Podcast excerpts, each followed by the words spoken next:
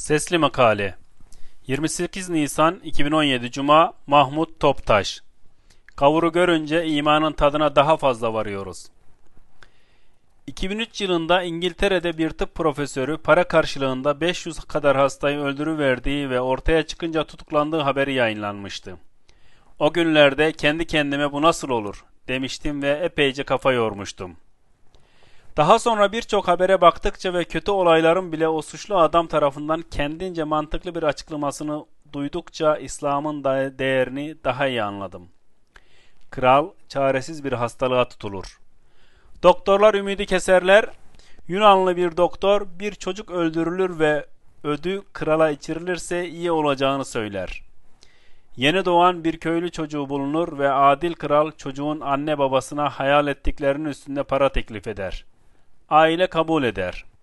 Yüksek Mahkeme Reisi, sultanın sağlığı bütün ülkenin ve vatandaşların sağlığı demektir. Vatan ve vatandaşların huzur ve mutluluğu için bir tek canın alınması kanuna uygundur, der. Çocuk kesilmek üzere masaya yatırılınca gözlerini göğe diker ve güler. Kral neden güldüğünü sorunca, çocuk, ailem dünyanın geçici malı için beni ölüme teslim etti. Mahkeme başkanı, kanımın dökülmesinin kanunu olduğunu söyledi. Kral kendi sağlığını ölümümde gördü.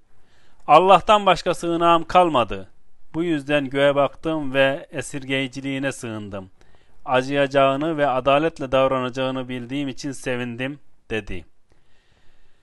Kralın gözleri nemlendi, çok etkilenmişti. Ölümüm böylesi bir masum kanın dökülmesi masum kanının dökülmesinden iyidir dedi kucakladı, çocuğu gözlerinden öptü, servet sayılabilecek bir lütufta bulundu ve çocuğu bıraktı. Şeyh Sadi der ki, bu hikayeyi anlatanlar birkaç gün sonra sultanın iyileştiğini söylerler. Gülistan'ın bu hikayesini şunun için hatırladım. Sen bir kötülüğü işlemeye karar ver, gerisini, gerekçesini, mantığını, hukukunu buluverecek çok insan çıkar. Hitler'in öldürdüğü ve yaktığı 5 milyon insan generaller, doktorlar ve hukukçularla gerçekleşmişti. Ahiret yoksa yapılamayacak kötülük de yoktur. Ülkeleri soyanların, soyulmamakta direnenleri öldürenlerin, organ ticaretiyle nice demokrasi krallarının ve patronlarının sağlığına kavuşması için nelere katlandıklarını ve topluma nasıl bir iyilik yaptıklarını onlardan bir dinleseniz, Amerika'nın en zenginlerinden David Rockefeller 6 defa kalp nakli, 3 defa böbrek nakli, 2 defa akciğer nakli yaptırdıktan sonra 20 Mart 2017'de 101 yaşında ölür.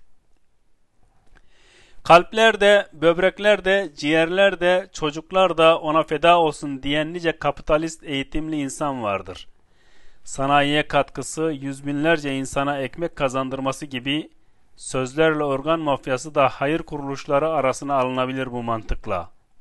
Adam dünyanın jandarmalığını yapıyor. Dilediği devlete girmeye, arama yapmaya, tutuklamaya, para trafiğini kontrol etmeye hakkı vardır. Mantığıyla yetiştiriliyoruz yüz binlerce insanı ekmek derdine düşürerek emeğini sömürdüğü, milyarlarca insanı açlığa mahkum eden bir sistemi savunduğu, ahlaksız bir eğitimden sonra insanlığı tabutlarla cehenneme taşıma işi yaptığı gözlerden ve gönüllerden uzak tutuluyor. Ve biz, bizi buraya kavuşturan Allah'a hamdolsun.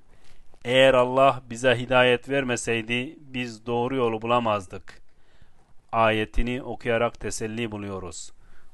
Okuyan Hasan Göktaş